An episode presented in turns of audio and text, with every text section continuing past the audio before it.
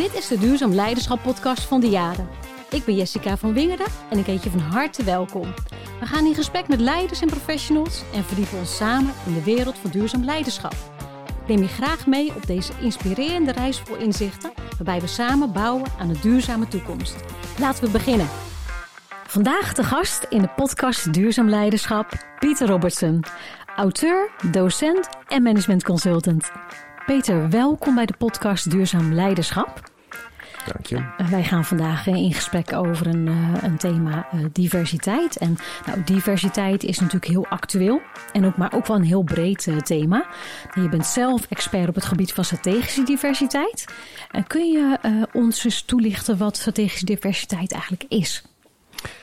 Ja, dat is niet zo ingewikkeld. Um, we praten heel veel, als we diversiteit gewoon noemen, dan hebben we het bijna ja. altijd over genderdiversiteit of culturele diversiteit. Dat is heel belangrijk. Maar er is nog een andere vorm van diversiteit. En dat noemen we strategisch. En um, dat is strategisch, strategische diversiteit als het gaat om hoe draagt ieder bij aan de groeicurve in een organisatie. En een groeicurve, dat is eigenlijk een heel algemeen principe. Ja. Alles, je, je bedenkt een idee, je gaat het nou ja, proberen of het werkt. Ja. Als het werkt, wauw, dan gaat het groeien. En dan verdien je er wat mee. Of je krijgt er succes mee. En het is eigenlijk het volgt principe winter, lente, zomer, herfst. Kijk. En eigenlijk is strategische diversiteit. Je hebt wintermensen, Ja. lentemensen, Ja. zomermensen, herfstmensen. En ze zijn allemaal even belangrijk. Dus je hebt alle seizoenen nodig. Je hebt alle seizoenen nodig. Dat is heel, heel essentieel. En de andere, ja, sorry, ga je gang. Nou, wat ik me afvroeg, uh, Pieter, want ik heb een uh, heel moek, mooi boek voor jou gelezen. Je hebt uh, veel boeken geschreven. En een van die boeken is Ontsnappen uit Escatres, hè? Always Change a Winning Team. En daar spreek ik over die S-curve. Kun je daar iets meer eens over toelichten over wat nou eigenlijk die S-curve is? Want ik krijg het gevoel als ik jou hoor dat je het dan eigenlijk over die vier seizoenen hebt. Maar Ja. misschien wil je iets verder daarin vertellen. En ook, hoe ben je gekomen tot die S-curve? Ja, um, die S-curve. De simpelste manier is altijd in seizoenen te blijven denken. Dat Ja. is wel zo handig. En dat is leuk dat op de hele wereld uh, werkt dat. Zelfs in Singapore, waar, Ja. waar je denkt dat ze geen seizoenen hebben. En toch snappen mensen de seizoenen. Uh, maar de S-curve komt uit, uh, uit de biologie, uit de ecologie. Ja. Uh, de S-curve is um, het basisprincipe van alles wat begint, geboren wordt, gaat groeien, ja, een betekenis krijgt, iets oplevert, uh, ook nageslacht krijgt of succes krijgt en daarna weer afbuigt en doodgaat. Het is, daarom heet het ook S-curve. Het begint langzaam. Het, Ja. het stijgt in het begin niet zo snel, want dan moet je bloed, mm -hmm. zweet en tranen om het Ja. uh, te laten werken. Na dat eerste buigingspunt, dan begint dat. Ja, dan loopt gewoon alles lekker. Ja. Ik kan zeggen, de boer denkt in de winter: oh, wat ga ik zaaien? Zijn al mijn machines in orde? Ik heb Ja. een goede vriend in Engeland, die is boer, grote boer trouwens. Die, wat doe je dan in de winter? Nou, dan denk je aan al dat soort dingen. Ja. Strategisch vooruitdenken, wat, wat moet er gaan gebeuren? Nou, dan kom je in de lente. Wow, dan is het hard werken. Ja, Heel dan- hard Er werken. moet er gezaaid worden. En je krijgt nog helemaal niks. Bijna niks. Nee. En eh, in de zomer, als alles is, is een beetje autonome groei. Dan kan je Ja. ehm, dus rustig met, eh, in zijn geval, een glaasje whisky of een pijpje naar je landgoed kijken. En het groeit allemaal lekker. Ja. En dan weet je, in de herfst is het hard werken, bikkelen om alles binnen te krijgen. Alles van het land af. Maar één ding wat een boer ontiegelijk goed weet, Mhm. is na de herfst komt keihard en winter. Dan Ja. moeten we weer opnieuw beginnen. Ja. Dus die boer, die denkt eigenlijk al in de zomer weer aan de winter en de volgende lente. Ja. Want die weet gewoon, er is geen onderhandelen mee. Over vier maanden ligt de sneeuw op mijn akker. Nou Ja. ja, misschien tegenwoordig niet meer, maar in ieder geval is het heel koud. Ja. En um, het, het interessante is, dat zie je dus in alles in de natuur. Of het nou één levend organisme is. Mhm. Nou ja, wij mensen, we zijn kind geweest. We zijn Ja. puber geweest. We zijn student geweest. We zijn uh, een relatie aangegaan. We hebben zelf vaak kinderen gekregen. Ja. En uiteindelijk, je hebt je carrière. Uiteindelijk word je ook ouder. Dan zit je weer in een andere levensfase. In het begin ben je, wil je van alles bereiken. Aan het einde, als het goed gaat, wil je alles teruggeven. Ja. Um, het is ook letterlijk de S-curve is het ritme van leven en dood. Ja. Maar ook van organisaties. Alles. Nou, en dan komen we op organisaties uit. Precies ook van organisaties. En in organisaties heb je dus. En dan kom ik op die strategische diversiteit terug. Je hebt exploratieve mensen. Die is helemaal aan het begin van die curve zitten. Zijn dat mensen van de lente? Oh, eind van de winter zelfs. Dus eind dat van de zijn winter. van die mensen die, die, die hebben helemaal geen noodzaak om te veranderen nodig. Mhm. Dat is heel interessant. Er is zo'n idee hè, dat we, we gaan alleen maar iets doen. We gaan alleen maar naar de tandarts als we kiespijn hebben. Mhm. Nee, exploratieve mensen die instinctief exploratief zijn. En er zijn er heel wat hoor. Die veranderen gewoon. Ja, die, die, die, die, zodra het zich iets gaat herhalen, gaan ze, gaan ze weer veranderen. Of gaan ze nieuwe ideeën krijgen. Dan heb je lentemensen. Ja, dat zijn mensen die pakken het op, die proberen het, die vallen en opstaan. Oh, dat zit al heel dicht tegen ondernemers aan. En dan heb je operationele mensen. Mouwen opstropen, hoppatee, werken, doen. Het moet wel werken. En tenslotte ook de mensen die letten, echt goed letten op de oogst. Ja. Dus de kwaliteit van de oogst. Hoeveel oogst hebben we? Hoe kunnen we het efficiënt doen? Dus meer de mensen aan de controlekant. Dat zijn echt heel verschillende mensen. Ja. Iemand die exploratief is, wordt nooit een controleur. Nee. Dat gaat nooit werken. Dat is, eh, overigens is deze ideeën komen ook nog uit het dierenrijk, uit de biologie. En voor dit soort concepten zijn Lorenz en Tinberg hebben Nobelprijzen gekregen. Dus het is niet zomaar een, eh, een metafoor. Nee. Je, je kan het gewoon zien. Ga naar de apenhul en je ziet er bij wijze van spreken. Ja. Ehm, en ik heb ook gekeken bij de apenhul naar strategische diversiteit binnen eh, primatenfamilies. Dat Ja. kan je rustig doen. Ehm, en nog een, een ander voorbeeld bijvoorbeeld is gewoon een voetbalteam. Ja. Aanvallers, middenvelders, verdedigers. En of het nou voetballen is, of ehm, lacrosse, of hockey, Mhm. of, of maakt niet uit. Je hebt altijd mensen die zeggen... Ja, ik zie altijd eerst het andere doel. Ja. En je moet me niet helemaal als verdediger hebben. En een verdediger, ja, die, heel, die, die, die is een hele andere instelling vaak. Of Ja. eigenlijk altijd. En mensen zeggen, ja, je kan van een verdediger... nou, misschien hele goede coaches kunnen dat een enkel keertje doen... maar eigenlijk weet iedereen wel... hallo, ehm, van een goede aanvaller maak je geen goede verdediger. Nee. Dat zijn strategisch diverse rollen. Ja. En die hebben ze allebei nodig. Nou, en dat is me. strategische diversiteit. Pieter, als we de aanvaller en verdediger, als we die vertalen naar organisaties, dan heb ik een hele concrete vraag. Is nou een ondernemer van een succesvolle start-up als leider nou ook de meest logische of geschikte persoon om een organisatie de volgende fase in te brengen? Nou, dat is een hele goede vraag. Eh, meestal dus niet. Een vrij eenvoudig antwoord. Ehm, de echte uitvinder, de exploreerder, Ja, die, ehm, die kan het eigenlijk gewoon nooit. Al helemaal nooit. Want Nee. die gaat te snel veranderen voordat iets gaat groeien. Die kunnen zes keer beginnen. ja, Ik heb zelf heel veel van mijn leven in Silicon Valley gewerkt met start-ups. ja, En ehm, eh, dan zie je dat de echte explorerende leider, dus die een echte nieuwe waardepropositie in de markt zet, in Ja. Silicon Valley vaak dus heel technisch, ehm, die gaat afhaken zodra het routine wordt. En eh, ik denk dat we allemaal een, een, een fantastisch voorbeeld hebben. Dat is natuurlijk Elon Musk ja, die is de exploreerder. Ja, ten voeten uit. Ja, ik ben natuurlijk als psychiater van oorsprong gewend eh, voor mezelf diagnoses te stellen op deze manier. Maar dat is echt het summum van iemand die exploratief is en die je niet in die volgende fases moet, eh, moet brengen. Is dat dan ook gelijk eh, waarom er gebeurt? Hè? Kunnen we daar ook verklaren? Of misschien ook wel zien daarom wat er nu gebeurt met nou, wat voorheen Twitter heette en nu X? Oh ja, absoluut. Daar, daar, dat, zijn visie is denk ik eh, correct. Want Twitter was natuurlijk een, een, een, een bedrijf waarvan ik toch echt denk... dat was verwend. Dat, dat, dat, dat, dat, dat was... Ja, da- daar was men toch een beetje de weg kwijt. Ehm, maar de manier waarop dat geïmplementeerd is, is natuurlijk desastreus. Ja, Dat zou je niet van een goede leider verwachten. Maar dat is een, een, een, een typische exploreerder. Die heeft, zelfs al heeft hij het goede idee. ja. het dan uitvoeren. Ja. Is het een disaster bij het uitvoeren. ja, En wat, wat je ook bij Tesla zag gebeuren, is dat. ehm,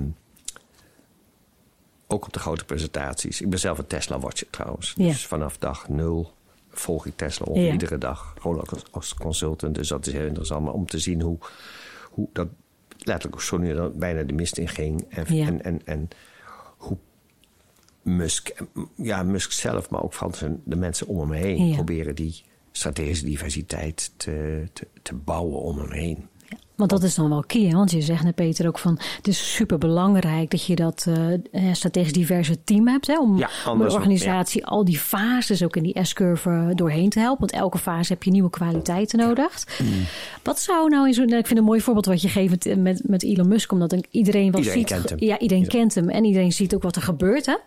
Ehm, wat, wat is daar nodig? Hè? Als, je, als je nu kijkt, iemand is heel exploratief en die gaat nu eigenlijk opeens managen eigenlijk. Hè? Die, die grijpt in, die gaat allemaal mensen wegsturen. Die, gaat, nou, die, doet, die doet heel veel wat zichtbaar is in de wereld. Maar wat zou er nou nodig zijn zeg maar, om te zorgen dat daar weer stabiliteit of rust komt? Of, Ehm, of is het eigenlijk wel goed wat er nu gebeurt?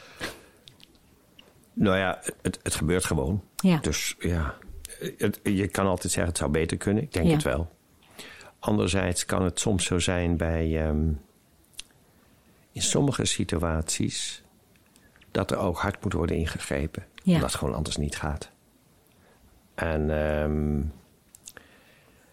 zeker als een organisatie... Ik, liet het woord vallen. Ik kan er niet helemaal 100% zeker van zijn. Maar Mhm. ik, ik ken wel organisaties, laat ik het zo zeggen... die bijvoorbeeld erg verwend waren. Ja, Ook in Nederland bekende organisaties. Ik zal nog verder geen namen noemen, maar ik met de CEO's heb gesproken en letterlijk gezegd heb: ja, het is bijna niks moeilijkers dan dat. Op te voeden. Verwend kind opvoeden is al het moeilijkste wat er is. en, en wat versta je onder verwend? eh, nou, dat ehm, eigenlijk de link met: ik heb toch te werken voor de winst, Ja. toch te werken voor mijn salaris, Ja. dat die eigenlijk verloren is gegaan. Dus het gaat te makkelijk. Het gaat gewoon te makkelijk, Ja. precies. Dat. Succes komt aangewaaid. Succes komt aangewaaid. Kan, het wind kan niet Ja, tegenzitten. ah ja, precies. Dus dat, dat zijn lastige, lastige dingen. Maar even terug gewoon naar de kern van strategische diversiteit. Ehm Zo'n Musk heeft iemand nodig in, ja, in de herfst, in de top van de curve, met wie die een dialoog aan kan gaan. Nou, hele goede voorbeelden zijn. eh, Steve Jobs, mag toch zeggen, die lijkt toch wel erg op Elon Musk. Of Ja. leek erg op Elon Musk. En Elon Musk wordt vandaag wel eens ook genoemd de nieuwe Steve Jobs. Mhm. Maar die had natuurlijk al tien jaar zijn relatie met Tim Cook. Ja. En Tim Cook is operationeel. Dat is een, een, een late zomer, vroege herfstpersoon. Ja. Dat is een leider die qua karakterstructuur, qua alles wat hij is, rustig, Ja. degelijk, operationeel, mouwen opstropen. En die had met Steve natuurlijk heel lang een relatie, Ja. een vertrouwensrelatie. En juist die combinatie is zo belangrijk in strategische diversiteit. Dus wel ook heel complementair aan elkaar. En die complementair moet je eigenlijk in alle teams zoeken. Ja. Alle managementteams. Ik geef je een paar van die grote voorbeelden. Dat is zo net omdat ik uit die wereld Ja. kom. Maar eh, gewoon ook in jouw wereld van het Ja. onderwijs. Overal. Die complementariteit. Om die groeicurve ehm beter te pakken en te Ja. kunnen managen. Die is nodig.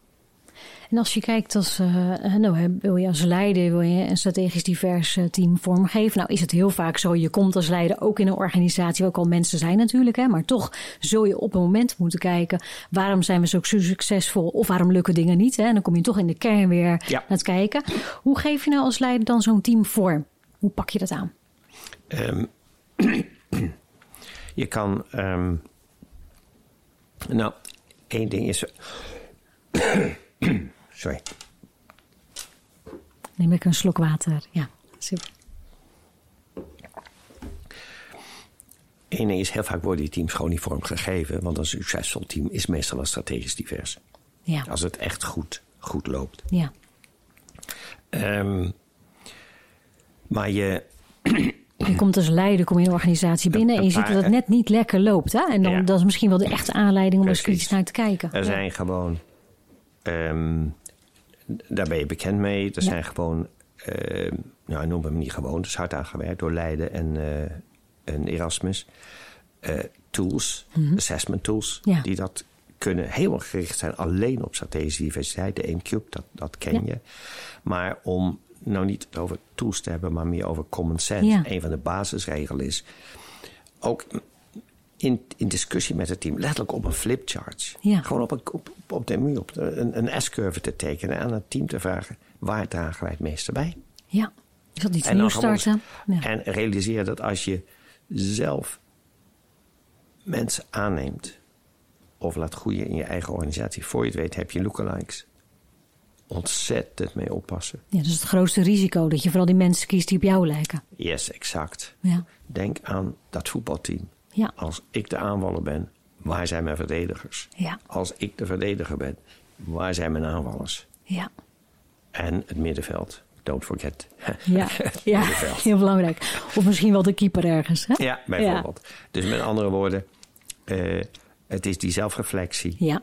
Ehm, het denken in termen van groeicurves. Ja. Het bespreekbaar maken hiervan. en, eh, en, en de nederigheid om te beseffen dat je eigenlijk niks anders kan. Niet, Nee. niet alles kan. Nee. Dus oftewel eigenlijk ook die kwetsbaarheid dan daarin eh, opstellen. Ja. Jezelf als leider. Hoe zeggen, nou ja, dit is waar ik, waar ik me goed bij voel. Waar ik meestal in floreer. Namelijk in, in hè, ik ben iemand van het starten. Maar dat betekent per definitie dat ik andere mensen om me, nodig, om me heen nodig heb met die andere kwaliteiten. Ja, precies. en wat je mooi zegt met die flip overvel. Gewoon ook letterlijk het tekenen. En elkaar het goede gesprek voeren over Ja. waar zit nou ieders kwaliteit eigenlijk ook Ja. en talent dan. Hè? Ja, precies. En, en dan nog een ander aspect. Ook beseffen dat ehm, strategische diversiteit, als je het echt over organisatieperformance hebt, Ja. is onderliggend aan alle andere vormen van diversiteit.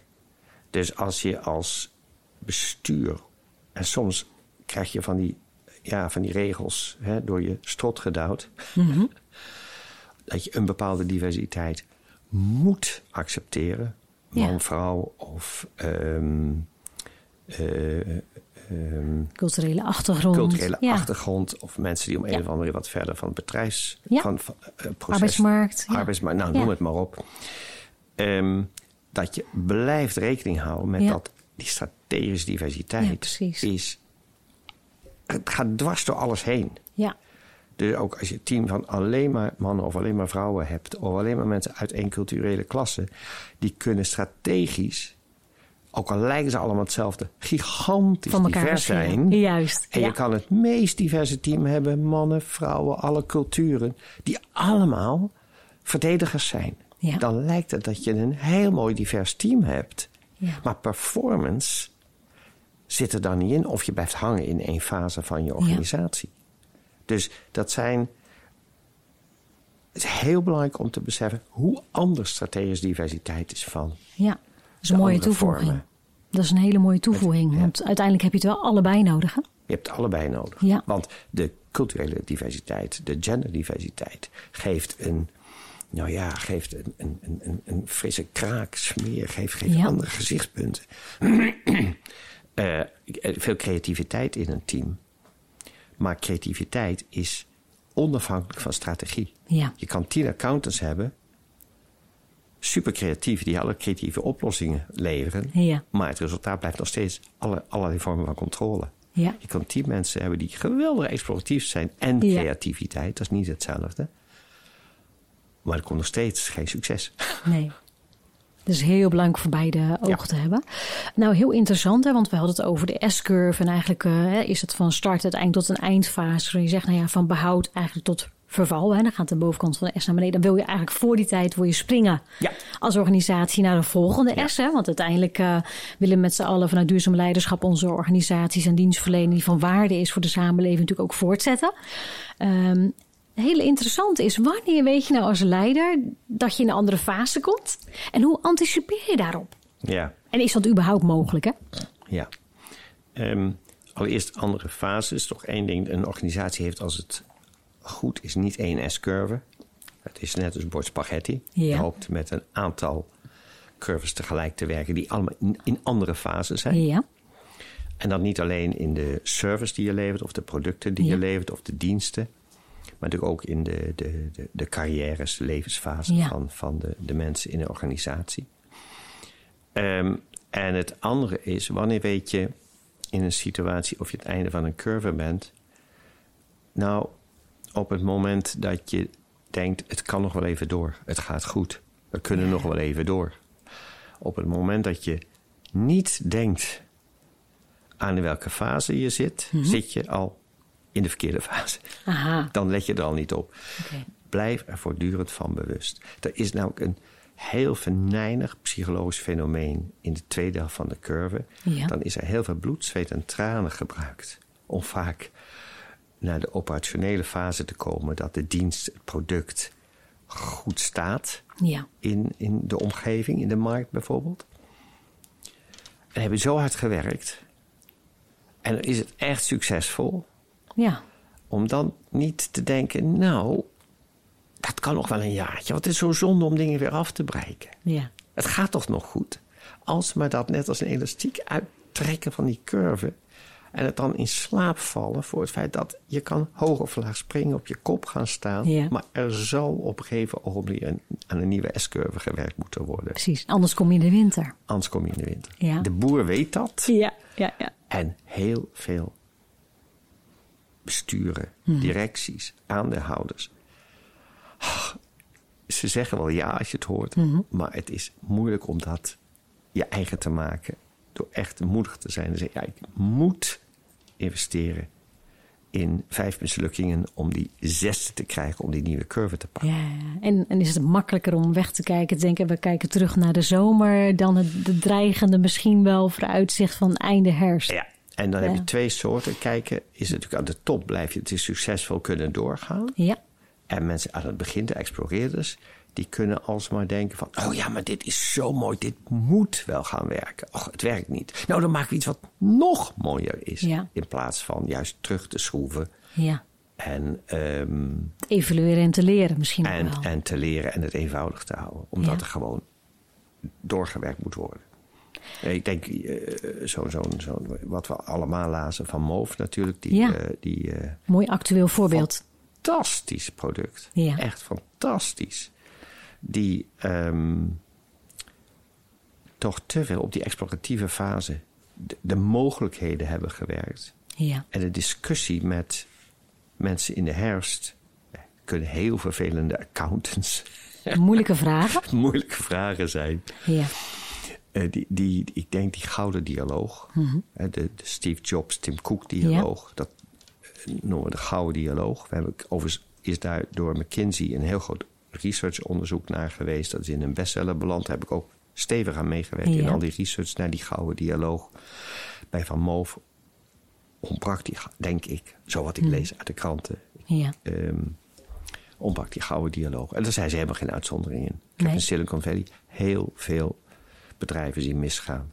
Omdat die gouden dialoog ontbrak. En dat is denk ik voor veel eh, consumenten en onze luisteraars ook wel bijna ongrijpbaar. Van hoe kan het nu zijn dat je 83 miljoen omzet hebt en tegelijkertijd meer dan 70 miljoen Ja. verliezen, parallel Exact. aan elkaar. Precies, exact.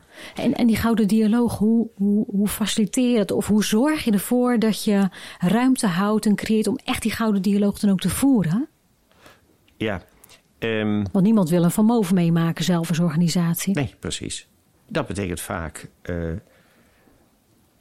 echt stevige gesprekken in het managementteam. Ja. Daar begint het toch, hè? Het, het is niet anders. Daar, Ja. daar houdt de, de aapjes op de schouder kunnen niet verder gezet worden. Daar begint het. Ja, De cultuur van een bedrijf wordt vrijwel volledig eh, ja, gedeeld of gemaakt door, door, de, door die top. ja, Om die integere, eerlijke dialoog met elkaar aan te, aan te gaan in dat managementteam. ja, Je zal eh, die discussie moeten voeren. En ja, ik ben misschien een beetje, net als een kreeft, een beetje asymmetrisch geworden. Maar ik denk, teken in iedere managementteamvergadering een S-curve op de muur. ja. ja, is dat een goede maak, de, maak de S-curve, maak het gewoon. Ieder whiteboard moet gewoon een vastgetekende Ja. S-curve hebben. En continu dialoog, waar staan we met Waar elkaar? staan we? Ja, Waar- wat hebben we te doen? Ja, waar, waar staan wij als mens? Daar Ja. kan je natuurlijk een AIM-cube, kan je een mooie assessment voor gebruiken. Je kan hem ook gewoon opschrijven als we een discussie voeren. Van welke positie voeren we discussie? Als we deze positie hebben, welke positie? Wat is dan de andere positie? Ja. Waar staan we? Zijn we het met elkaar over eens? Daar zit heel veel common sense in. Als je bijvoorbeeld een team vraagt van 10, 20 mensen in, in een strategische Ja. sessie. Waar denk je dat dit product op de groeicurve zit? En ik vraag ze als ezeltje prik. Gewoon allemaal even een stickertje te maken. Naar voren te lopen. Plak hem op de S. Plak hem op de S. Dan zijn 18 van de 20 zijn met elkaar eens. Ja. En dan kunnen we uren interviews houden om Ja. dat naar voren te krijgen. Maar het blijkt dat die, dat gevoel, die intuïtie, Ja. waar iets zit, Die hebben we best goed ontwikkeld dus. die hebben we best goed Ja. ontwikkeld. Dus gebruiken die dus ook gewoon veel vaker is jouw oproep, Precies, Peter. precies. Ja. Exact. Die intuïtie is zo groot. Ja. Ja. Wat mooi.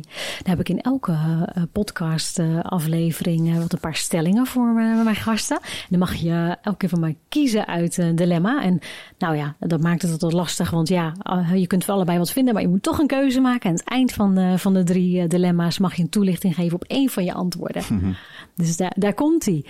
Doe maar duurzaam of doe maar gewoon. Duurzaam. Leider of volger. Leider. Ecologisch of sociaal. Ecologisch. Lente of winter. Daar geef ik een toelichting op. Mooi. wat, is je, wat is je keuze, Peter? Ehm, ja, dan is het. ehm, dat, dat is zo gekoppeld, dat kan ik niet zeggen. Nee. Nee? Dus voor jou is lente, het is gewoon echt als het, een het gaat, seizoen. het gaat altijd door. Het gaat altijd door. Waarom? Lente is mooi. Ja, Eh wordt hard gewerkt. Alle bloemetjes bloeien. Ja. Maar realiseer ook in de, in de, de. Nog niet zo lang geleden, en zeker in de 16e, 17e, 18e eeuw. In welke periode stierven de meeste mensen van de honger? In de lente. in de lente, ja. Want toen was het eten op, had men niet goed nagedacht of het viel allemaal wat tegen het jaar daarvoor. Ja, Maar het lijkt zo mooi. ja. Dus die lente is helemaal, ja, heeft ook zijn donkere kant. Ja. En de winter is de kant waar je echt heel erg goed kan nadenken. Heel creatief kan zijn. ja. Heel veel reflectie kan Je hebben. zegt de kant voor de contemplatie en reflectie Yes, dus. precies. Ja, prachtig. Dan heb ik een eh, laatste afsluitende eh, vraag voor jou met eh, al jouw rijke ervaring als het gaat over strategische diversiteit, maar ook zeker breder, Peter. Ehm, gaan we toch terug naar duurzaam leiderschap. hè? En we hebben het natuurlijk gehad over strategische diversiteit als belangrijk onderwerp, misschien wel het meest cruciale voor organisaties om duurzaam ook te blijven bestaan. Maar welke les over duurzaamheid heb jij nou zelf geleerd in jouw rijke carrière? En welke wil jij delen daarvan met, je, met de luisteraar? Nou, een les eh, die ik geleerd heb is dat ik een, eh, geen enkel recht heb om nog eh, iemand ooit iets te verwijten dat hij niet goed op het milieu is, voor het milieu is geweest. Want ik ben x aantal malen de wereld rondgevlogen. Ja, Ik was ooit VIP bij zowel Singapore Airlines als bij KLM. Ai, Voor mijn leven dus. ja. En dat te maken met je internationale baan. Ja, dus als je kijkt wat, wat, wat, eh, wat daar is verstookt, dat is echt verschrikkelijk. Ehm, dus die nederigheid, ehm, dat heb ik er wel van. eh, maar ja, niet, niet, niet alleen dat uit schuldbesef, maar Nee. gewoon uit, ehm, uit het besef hoe, hoe asymmetrisch we leven.